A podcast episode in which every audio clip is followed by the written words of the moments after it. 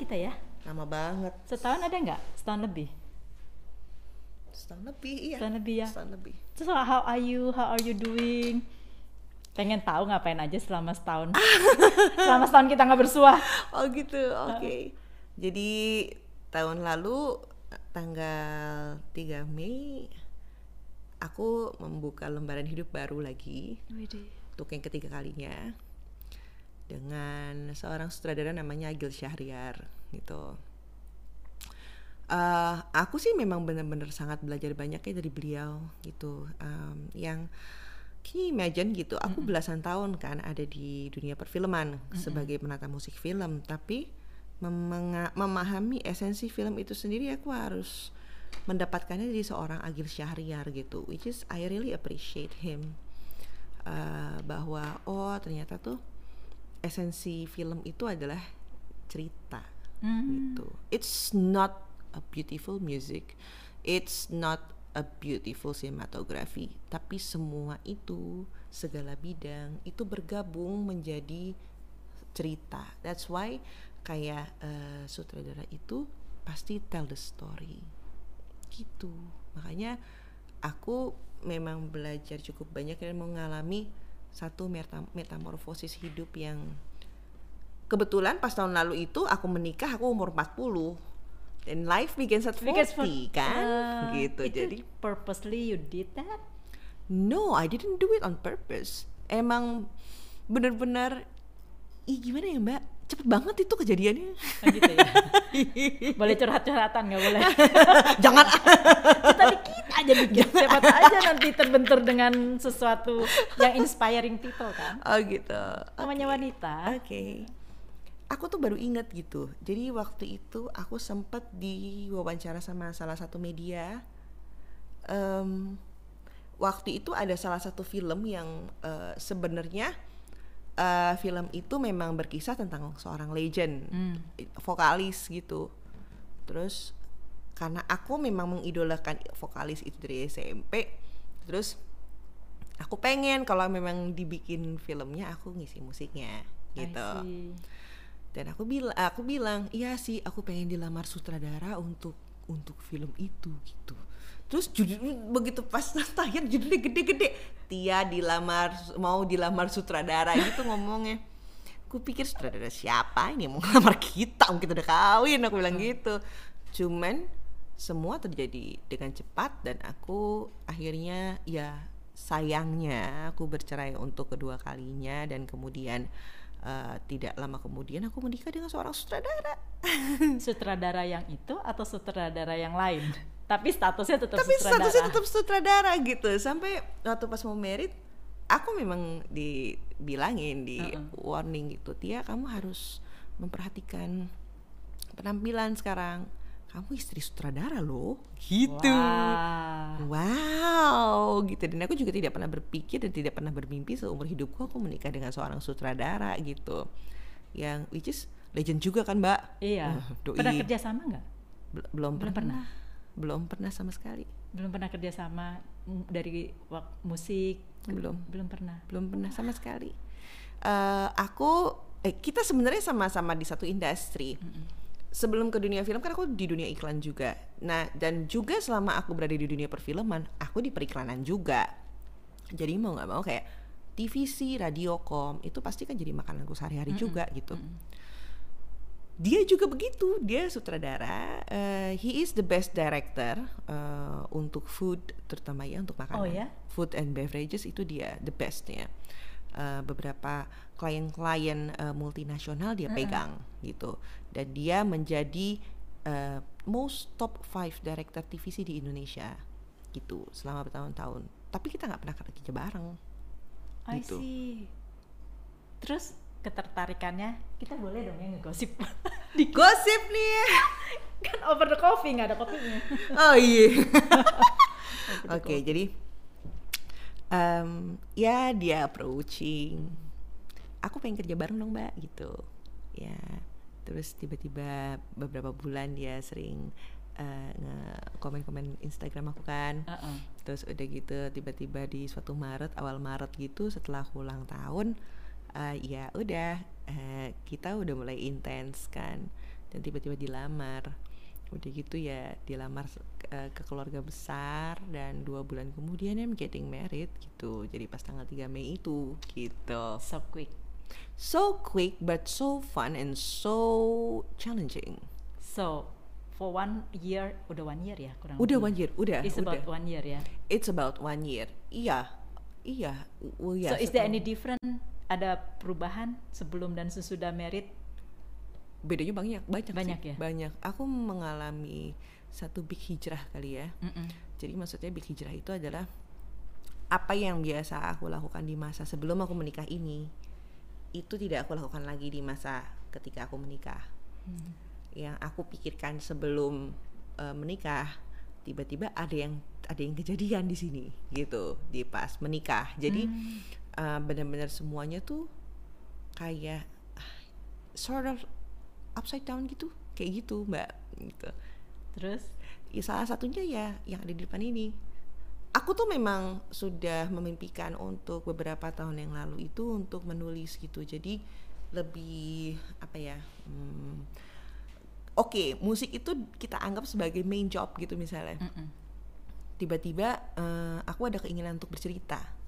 Begitu bercerita aku nulis nulisnya di handphone aja kayak curhat gitu Hmm. nah terus em, sempat aku mau menjadikan eh, sebelum ini sebenarnya ada satu judulnya 40 kilo tapi tidak pernah kejadian karena mm, nggak pernah ada yang nyokong aku dan tidak pernah ada yang mendukung gitu kayak yang ayo Tia ayo Menulis. Tia uh, uh, untuk menulis ayo Tia you can do it gitu nggak ada yang ngomong gitu satu-satunya laki-laki yang bilang oke Tia ayo. Kalau kamu bisa nulis kamu nulis itu adalah Mas Agil. Nggak ada Gil. Mm-mm. gitu mbak.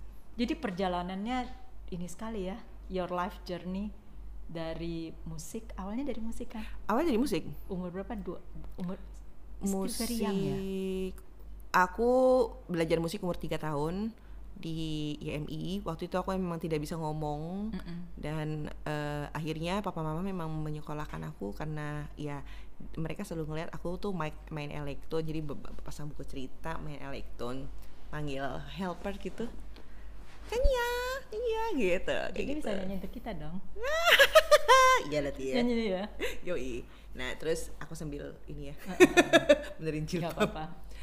Em, terus umur 6 tahun aku eh, eh umur tiga tahun aku sekolah umur 6 tahun aku pindah sekolah ke Yayasan Pendidikan Musik YPM di Manggarai.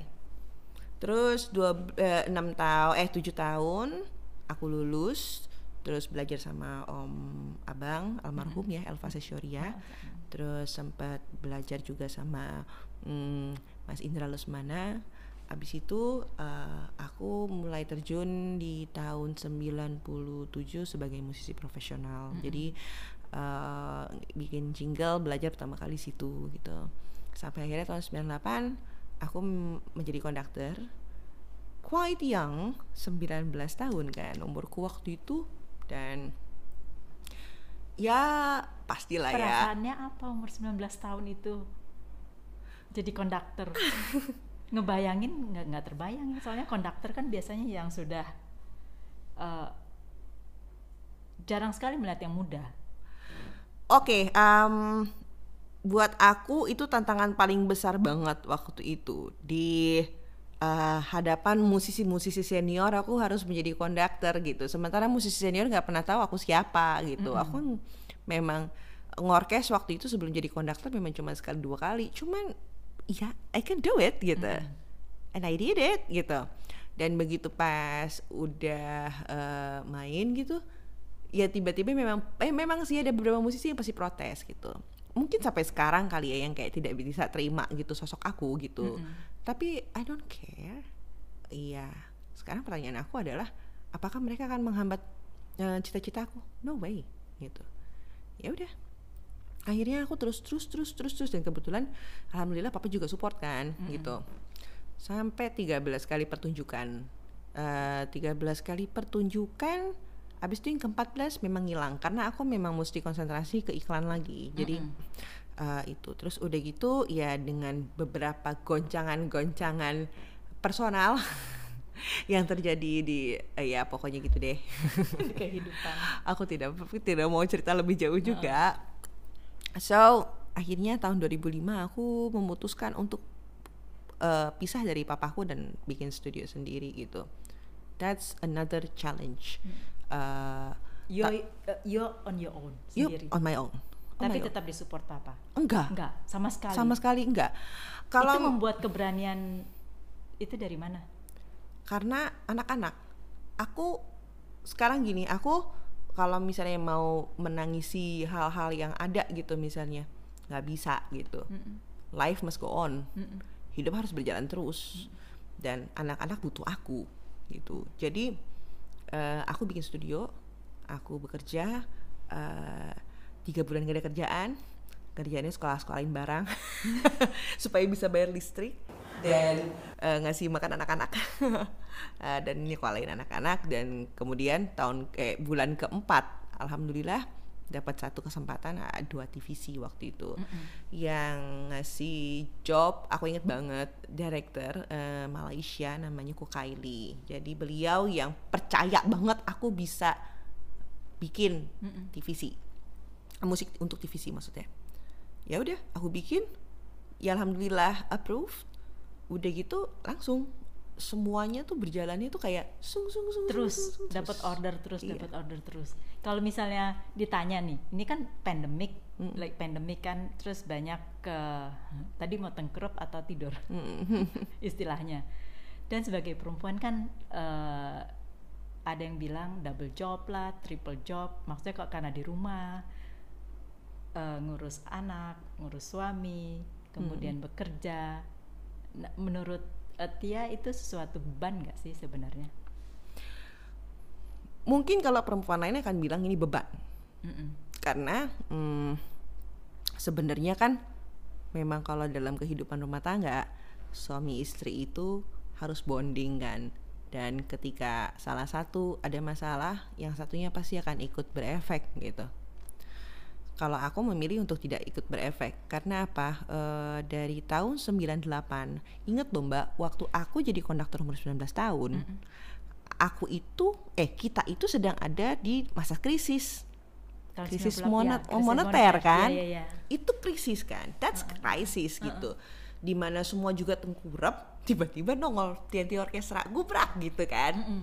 udah terus eh, tiba-tiba uh, tahun 2005 kita mengalami krisis uh, keluarga besar gitu. Hmm. Which is tiba-tiba aku ya udah melipir aja gitu, terus bikin aja sendiri, terus bangkit aja sendiri dan tiba-tiba menemukan satu titik yang memang menjadi cita-cita aku jadi penata musik film. Itu di situ ketemu pertama kali tahun 2007. Hmm. Oke. Okay?